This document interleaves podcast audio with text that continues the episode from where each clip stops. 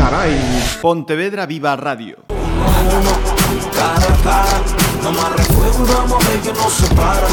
Hace unos días colgué un anuncio eh, diciendo que iba a hacer un cara a cara de nuevo. Eh. Cara a cara. A... Saudos, eh, temos eh, connosco a un home mm, moi premiado no ido da literatura, o máis eh, recente, o premio de Xerais eh, Jules Verne polo libro Ceiba mm, de, de Luz. Acaba de, de recibirlo e presentalo, non? Como foi? Estaba aquí comentando coa miña compañeira Manuel Lourenzo. Benvido primeiro. Moitas grazas, moitas grazas. Encantado de estar de novo na Pontevedra máis viva Eh, un, una presentación estábamos a, a comentar que pese a, a traición desa tarde da, da choiva, de que hubiera tamén outros actos, eh, estuvo estuvo cheo. Eso como como o percibe o protagonista da convocatoria? Sí, foi, foi agradable verdadeiramente, porque foi un exercicio de, de atrevimento por parte das persoas que se achegaron, porque xusto nese momento caeu toda a chuvia que nunca era anteriormente, caeu toda de golpe, e francamente bueno, pois eh, agradecese muitísimo. Mm. E, bueno, pois nada, unha mostra de cariño da xente que me coñece e que de alguma maneira pois me Uh -huh. Me gustaría dicir que me segue estas cousas que dimos famosos, pero bueno, que, que lles gusta asistir a actos onde hai libros de por medio, bueno, sempre é agradable e sempre se agradece. Ajá.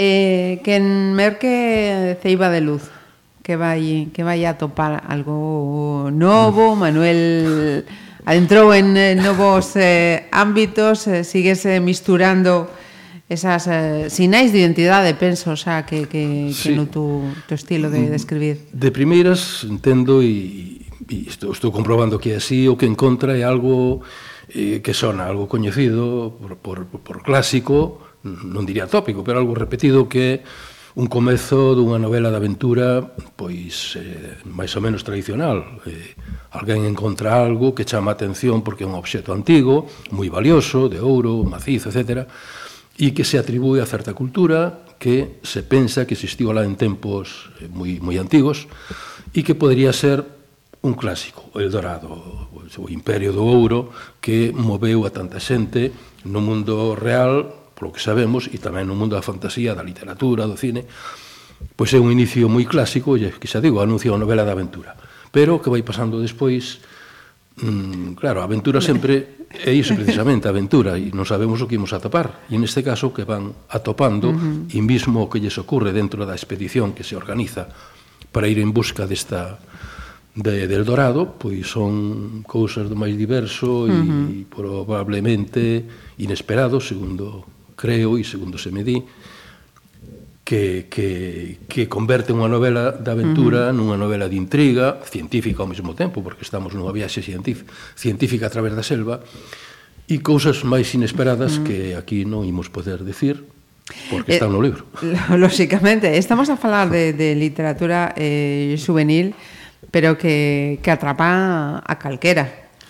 Sí, eh, bueno, digamos que a editorial mesmo polo premio que obtivo e polo carácter do libro, por certas características, vese motivada a incluílo nunha colección determinada, e neste caso colección juvenil, porque uh -huh. é un libro perfectamente apto para ser lido por alumnado de certa idade, tampouco os pequenos, pero para alumnado de, de bacharelato, por exemplo, ou dos cursos finais da ESO, é perfectamente accesible. Ora, debo dicir tamén que na hora de escribir Eu, en particular, nunca me planteo un lector determinado. Uh -huh. Teño unha idea máis ou menos vaga do que, do que estou contando, do que quero contar e ata onde o quero contar, E o resultado é o que é. Se é accesible para un público lector de certa idade, que tampouco hai uniformidade nisto, como uh -huh. sabemos, pois, no? atopamos lectores eh, novos que leen cousas moi complexas Densa, e, e sí, tal, sí. e viceversa, topamos lectores adultos que non dan lido un libro mm, sin, uh -huh. máis ou menos simple. Entón, dentro desta diversidade, xa digo, eu non me planteo un lector tipo, e o resultado é o que é. Eh, polo que sei, polo resultado que se me di, por persoas que o leron e por que está saindo na crítica un libro, como, como decides, ah, perfectamente apto para calquera lector, para lectores adultos, ou de calquera idade. Uh -huh. E, bueno, penso que iso é está na maxia a literatura tamén, no? que poida chegar a calquera persoa. Acaba de decir, eh, Manuel, que non hai un, un lector eh, tipo. Eh, eu vou a, a outra parte, os, os escritores. Tampouco hai escritores eh, tipos. en absoluto. Pero no, no teu caso, con 25 libros escritos, sen contar as obras eh, colectivas, eh, escribir eh, eh, un jove unha, unha vocación ou unha necesidade para, para Manuel Lourenzo? Um, uf, unha mestura das dúas cousas. É unha necesidade, podría decirlo, e penso que quedaría ben, dicindo mm. que nacín coa necesidade de escribir, de expresarme artísticamente, ou como se diga, etcétera, pero non sei ata que punto sería sincero, porque teño múltiples hobbies, múltiples eh, asuntos ou actividades que me gustan na vida, ademais de escribir. Escribir é unha delas e penso que, me, bueno, polo que se ve que se me dá máis ou menos ben. entón ten unha mestura das dúas cousas. Por un lado, que sí, efectivamente, me gusta contar historias, eh, en algún tempo xa pasado intentei, no, intentei facelo a través de, do dibuixo, eh, expresada gráficamente na banda deseñada. Uh -huh. Un bo amigo con moi bo criterio me dixo deixa iso que ti non sirves para eso, escribe que ti si sirves para escribir, fixenlle caso. E ata entón, de, de Cantón digo, pois, eh, pois eh, foi o que fixen. Entón, xa digo, unha mestura de, de afición por un lado, que si me gusta e me, me realizo e me sinto moi ben cando, uh -huh. cando imagino estas historias e as traslado, xa non podo dicir o papel, a pantalla, E ao mesmo tempo, pois é unha, un, unha afición na que me, me sinto realizado, pero a, eh, non sei, en paralelo con outras de outro tipo e uh -huh. moi distintas incluso que tamén me fan sentir ben. Acabo de decir eh, que escribo e eh, traslado no papel senón a, a pantalla. Link que, que informática lle ten xogada alguna mala pasada no teu traballo como escritor. sí, bueno, sí, sí, efectivamente son entre xa no terreo da anécdota, pero e a miña relación coa informática, como creo que na maioría das persoas de, de certas xeracións que xa ten, imos tendo unha idade, pois non é o mundo no que nos eh, criamos, no que nos no que coñecimos o mundo como as xeracións actuais. Entón, ben, pois é, non vou dicir un enemigo, pero é algo necesario que está aí, que hai que usar, que, que ten e xa topamos todas as vantaxes que teñen, pero non é o noso ámbito. Entón, efectivamente, eu nun momento dado, pois tive algún tropezo e non, nalgún caso gordo. Probablemente esteas pensando nunha novela que publiquei hai algún tempo, que tamén foi, uh -huh. foi Premio Xerais, sí. que cheguei a tela escrita por enteiro e falamos dunha novela neste caso non clasificable como juvenil, penso eu, porque unha novela de casi 600 páxinas é outra cousa, que perdín por completo, desapareceume do ordenador xunto con un montón de outras cousas por causa dun destes famosos virus que, en fin, non guardaba copias, este tipo de cousas que se fan, e ala se foi. E como bueno, me seguía gustando a historia, me seguía gustando o relato que quería facer, volví a empezar, moi con moita paciencia e, e tragando toda a clase de cualificativos para as novas tecnoloxías. E volví a escribir, e xa digo, eu creo que a millorei bastante, pola memoria que teño da outra, e non é un recordo agradable, porque volvín facer algo que xa fixera, e eso non é non é o que nos gusta facer aos que mm. escribimos, ni aos que bueno, facemos así algunha actividade creativa. Pero bueno, o resultado... Eh, o esteño dixo unha de cal e outra de area, este tamén vai con premio, non? Nese, nese sí, caso. Sí, nese caso o resultado foi bo, eu creo, sí, francamente, que pola memoria que tiña do outro, que non guardaba ni siquiera copias escritas, tiña ah, ah. algún anotamento, non? Alguna anotación, algún apunte, e a idea sí que a tiña na cabeza toda ela. Pero uh, refacelo supuxo pois eh, traballo ímprobo, pero uh -huh. eu, tampouco foi desagradable porque xa digo, na, eh, na medida en que o libro me gustaba, a historia me gustaba e o estaba pasando ben facéndoa e refacéndoa, pois penso que gañou moito, o sea, que ao mellor se cadra o destino quixo que pasara iso para facer algo de Uh -huh. de máis mérito. Mm, podemos dicir o título, si... Sí, eh, sí, era o, xa, o, o, bueno, xardín. Cadra, o xardín das pedras flotantes, efectivamente. Uh -huh. Pasou iso. Bueno, non foi o único, pero isto foi o máis o máis gordo e memorable. Ajá. Eh, Manuel, eh, nas, nas túas obras eh, mesturas eh, realidade eh, e eh, ficción. Que parte eh, prefire eh, Manuel Lourenzo que que marque a pauta do, do que escribe? O pesan ambas as dúas?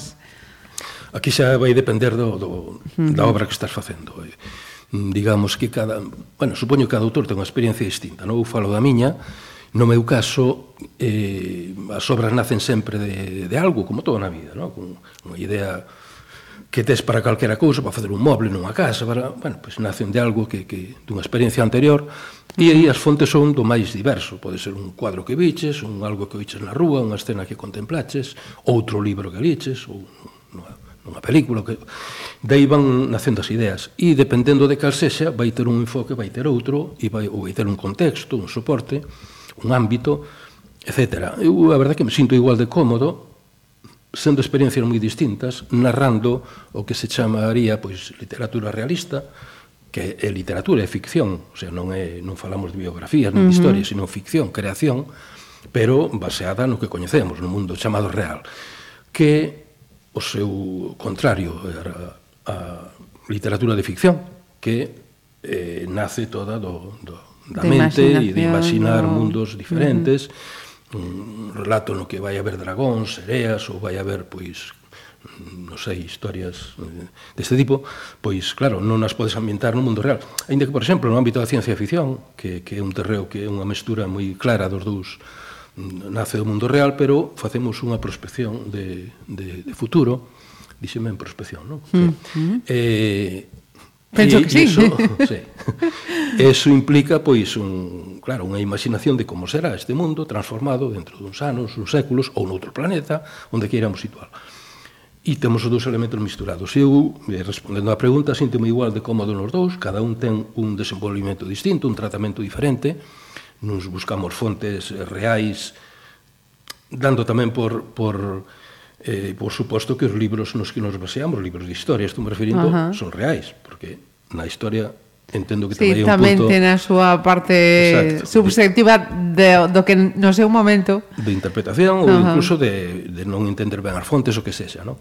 e a veces incluso de maneira intencionada uh -huh. cantas libros de historia se escribiron e se escriben pois tendenciosos, etc bueno, pois entón entre un lado e outro xa digo que me sinto igual de cómodo pero eh, cada un é un traballo diferente, con distintas normas, un tira máis da, das fontes da documentación, outro tira máis da imaginación, uh -huh.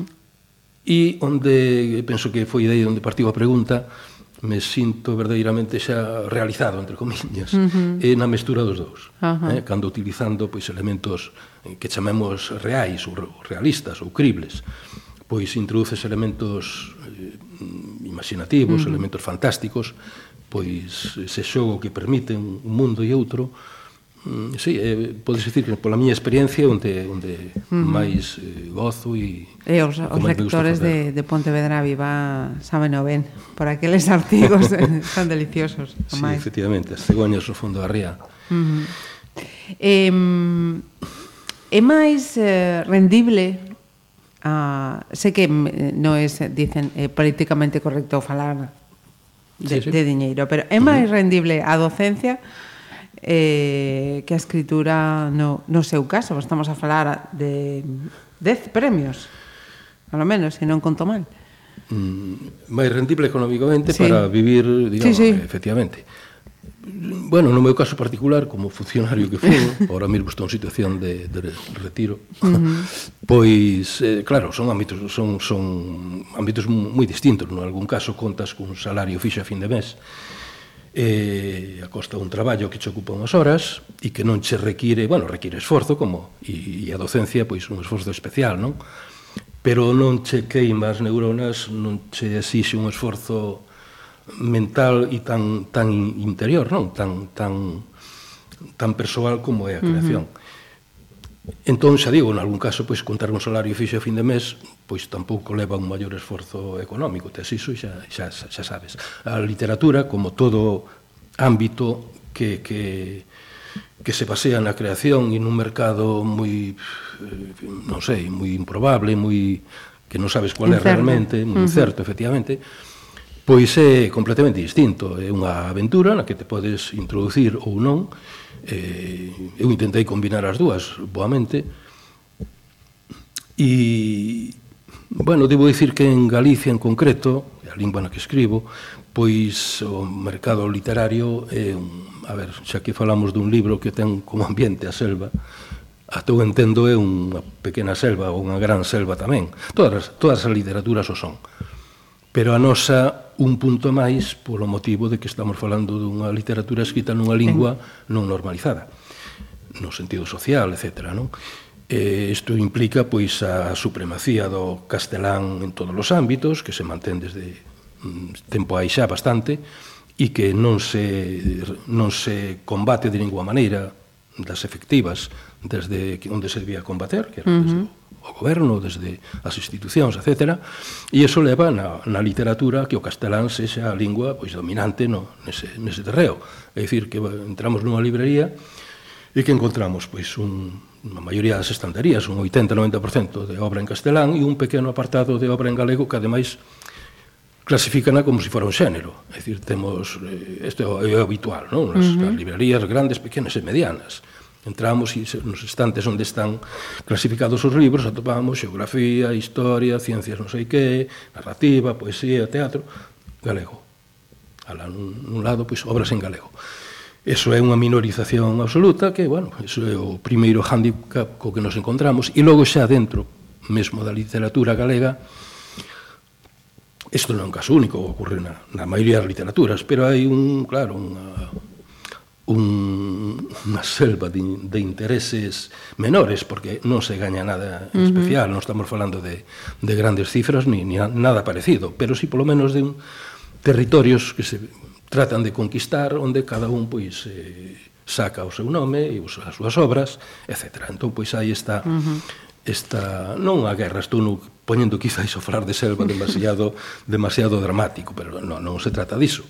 Pero si é difícil canonizar, é difícil mm. estandarizar ou eh, ter un, non sei, uns niveis de, de entendimento e de, de de publicitación de obras con máis un... desequilibrio, menos, no? de equilibrio, entre unos sí, efectivamente. É dicir, en algúns casos pesa moito máis o amiguismo, o estar en certos círculos onde outros non están, ou pertencer ali ou non pertencer, ou estar conectado á televisión, radio e televisión galega ou non estar, cousas eh, uh -huh. destos que eh, son os que poden, os que teñen os fíos e te envían a congresos e te dan Bueno, son cousas que xa entran, xa entran no cotilleo e non, non é necesario, non? En fin. eh, eh, Manuel, eh, eh, falaba antes de, de docencia, eh, ti por esa faceta que, que tiveches, eh, que, que virtudes e defectos eh, detectan os mozos eh, de hoxe,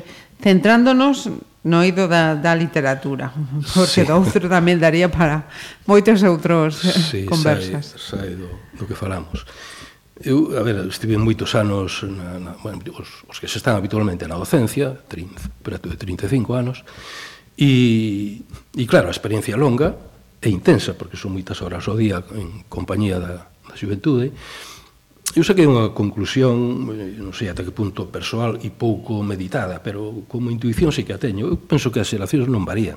É dicir, hai novos eh, elementos, novos medios, novos condicionamentos, vistes unha maneira, vistese de outra, levas o pelo así, levas o pelo asá, ou, ou, ou hai estes xogos, hai aqueles, agora co tema das novas tecnoloxías, que xa non son tan novas, por certo. Eh, pois claro, hai mundos que eu xa non coñezo, pero que están aí uh -huh. e eles o viven moi directamente, pero quitando todo isto que no fondo é o contexto no que se moven, en canto a comportamento, en canto a actitudes, a maneira de ser, eu penso que as xeracións non cambian no sentido en que sempre hai unha porcentaxe de alumnado así, outras a entrar en detalles, no? digamos, máis preparadas para isto, para outro, ou, ou para lá, con tendencias a facer unha cousa ou a facer outra, con, con máis afición polo deporte ou menos, eh, aos xogos eh, mentais ou, ou menos, a, a, a divertirse simplemente ou a traballar ou... Uh -huh. E, xa digo, expresado de maneiras distintas, eu penso que as xeracións non varían e comparando incluso o que eu podo recordar da miña xuventude, da, da miña, das miñas etapas eh, como estudante. Por tanto, esa é a, é a conclusión. Isto que se di a veces de que a xuventude hoxe pois é así, é asá, eu penso que non, que non, responde á realidade. Eu creo que cambian, xa digo, os medios, a maneira de expresar, o contexto no que se moven, o mundo no que me criei eu, eh, bueno, non é idéntico a este, as oportunidades son distintas, os, eh, o que se pode facer e non facer é diferente, pero quitando iso, que obviamente pois, condiciona non? E, e obriga a ser así ou de outra maneira, a, a conclusión básica miña é esa, que que, que a xeración que repiten os, os modelos en canto a comportamento xeral, uh -huh. en canto a capacidades, en canto a actitudes, a...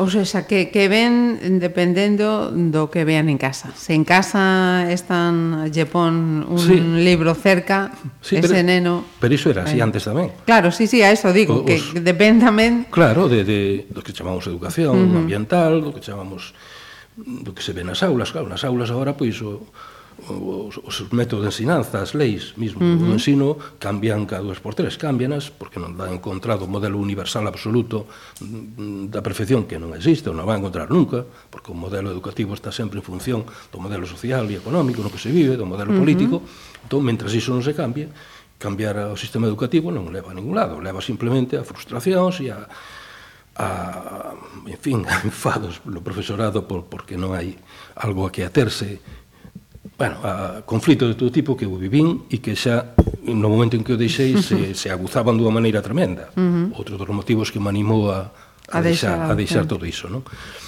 E, e bueno, aí está eso, claro, o contexto, o que eu chamo contexto no que se move a, as xeracións. Uh Uh -huh. A hora de partida, o, o que sería a parte, non sei se chamar xenética ou, ou aquilo con que se ven ao mundo, repito, eu creo que permanece máis ou menos estable nas xeracións, pola miña experiencia, no que eu coñecín, e penso que se irá sendo así, é dicir, cambiarán as formas, cambiará o, o traxe, cambiará eh, a maneira de falar incluso, pero que é o fondo, que é o, Pois teño, teño esa idea, supoño que é discutible, uh -huh. e ao mellor pouco meditada, son porque se proveñen de intuicións máis uh -huh. que de reflexión realmente, uh -huh. non, non, non son filósofo, non son psicólogo.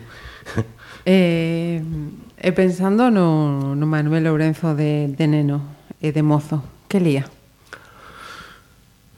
Mm, bueno, eu veño dunha casa onde non os libros non eran o o centro de, de actividade como, como outras que, que, que coñezo. De, eh, atopamos casas onde sí, onde había un nivel de lectura se había un certo... Bueno, no meu caso non era non era, non era así exactamente, entón os libros que recordo, que lembro da miña infancia máis infante, eh, son algunhas libros que había por ali destas lecturas, claro, tampouco era unha época onde abundasen os libros, o sea, non? Uh -huh. estamos falando na 55, 55, 60, 65, non era unha etapa moi moi vizosa.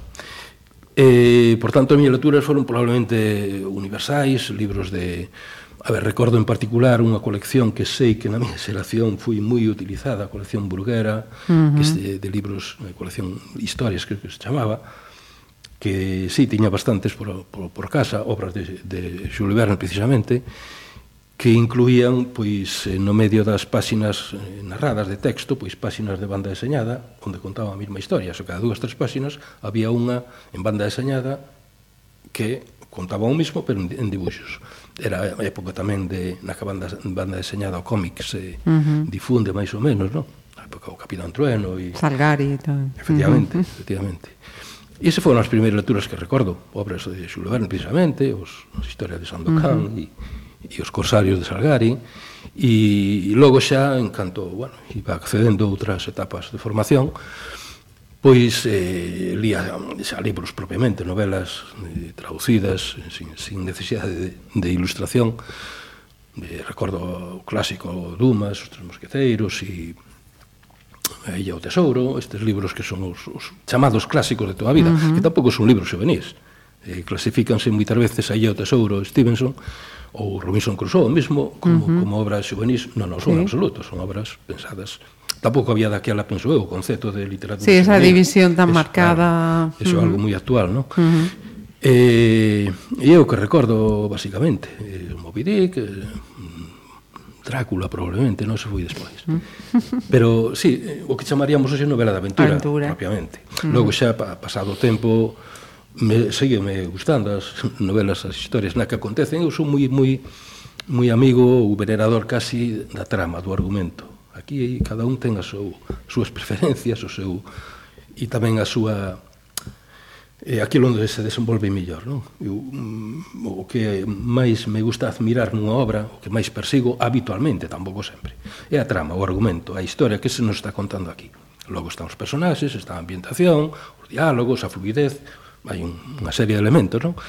Pero digamos que o que busco primeiro que lle pido a obra é que me está contando, que historia é aquí, uh -huh. como está tramada, que como empeza, como se desenvolve, como se eh, finaliza, non? A onde se leva.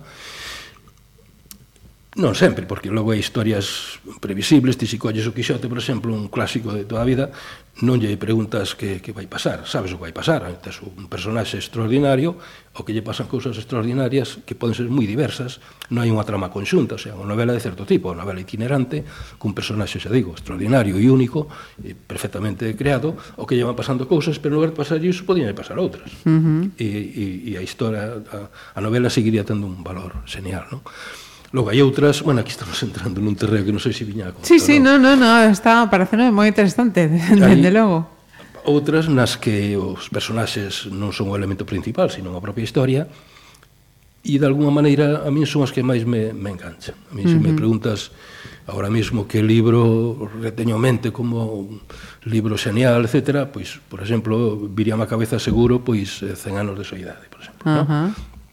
onde eso, pois hai toda a historia dun dunha cidade, dun, dunha vila lá perdida no cabo do mundo, desde que nace ata que morre. Entón, pois, unha serie de personaxes todos mesturados, pasándolle cousas, me parece unha obra genial contada nun número de páxinas limitado. Uh -huh. Probablemente outro autor colla iso lle dedica cinco libros uh -huh. para contar o mismo, non? Parece genial. Ou, que sei, pois, algo que relín recientemente, o nome da Rosa de Humberto. Uh -huh, Humberto. Unha novela genial tamén. Noutro, doutro carácter, moi uh -huh. distinto, pero o que é a trama, non? E, e logo, xa digo, os personaxes teñen que estar á altura, a ambientación ten que estar conseguida, eh, non vale contar unha historia podo poñer no meu, no meu caso, non? ambientada nunha selva uh -huh. que nunca estive, por certo ainda que si me gustaría estar eso. Eh, eu son unha persona moi pouco viaxeira en fin, pero uh, si me atrevo a contar e esperar que alguén lea unha historia narrada nun ambiente determinado, tan concreto, tan específico e pouco coñecido para a maioría das persoas, necesito, necesito de maneira obrigada eh, saber eu como é e, e sabelo describir uh -huh. ata onde podes describir unha obra eh, se van polo medio tal, non me basta con decir que había árbores e había animais ou había insectos uh -huh. tens que dicir que árbores hai que insectos hai en concreto, porque se si digo que hai feras, calquera pensaría que hai un león, e non hai ningún león, non? hai outro tipo de animais.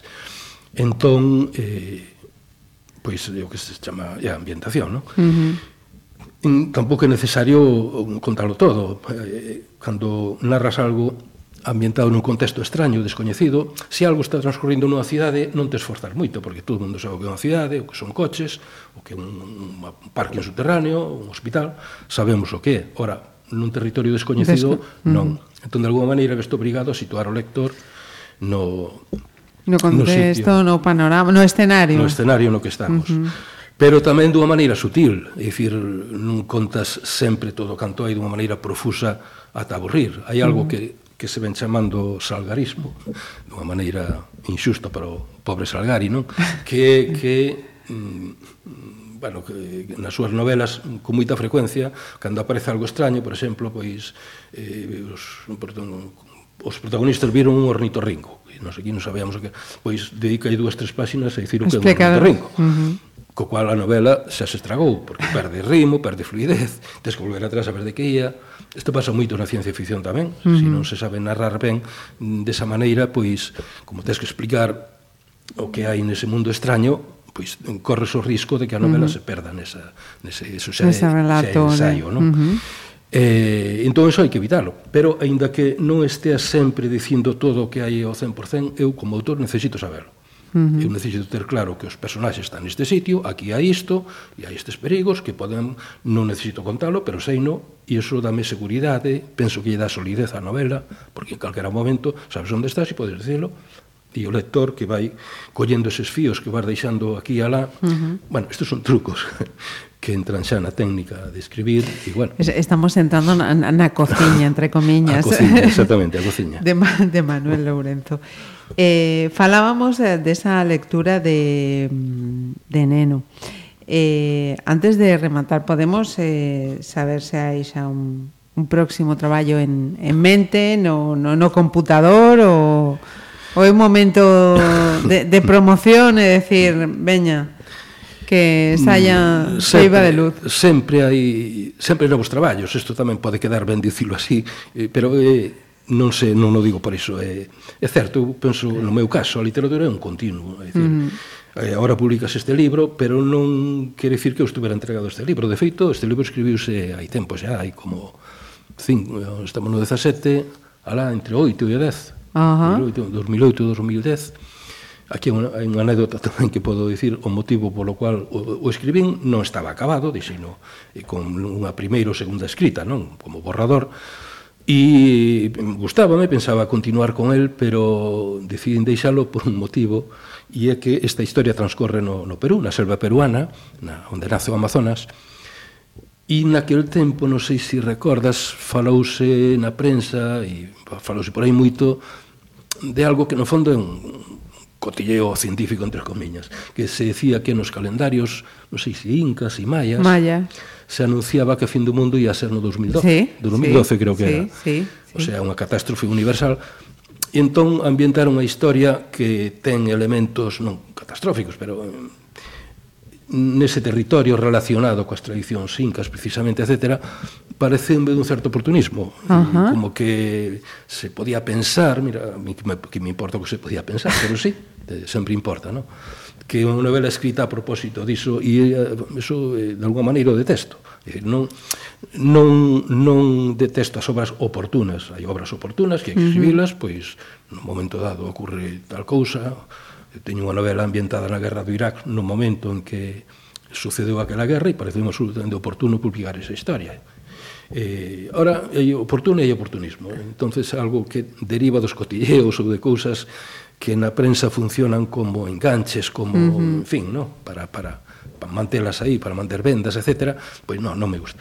E metieron no caixón e ali quedou, esperando mellor vida. Entón recuperei na recientemente e volvinlle dar luz, revisei, na seguía me gustando, e, bueno, dei un acabado a onde está, E por eso publica agora, pero se digo, unha novela que ten certo tempo. E en todo este tempo sempre estás... ten que haber. Claro, estás metido noutras e mentras unha salen, outras estánse cocendo, non? Uh -huh. E, bueno, si sí, estamos traballando aí noutras cousas que veremos se si chegan uh -huh. a algún porto.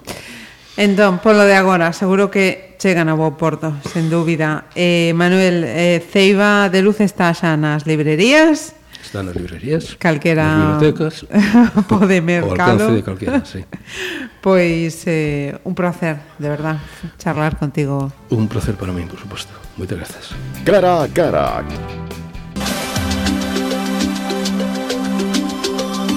Amigos, ¿cómo están? Bienvenidos. Estamos en el cara a cara. La conversación, la confesión, usted sabe. Cara a cara. Pontevedra Viva Radio. Oh.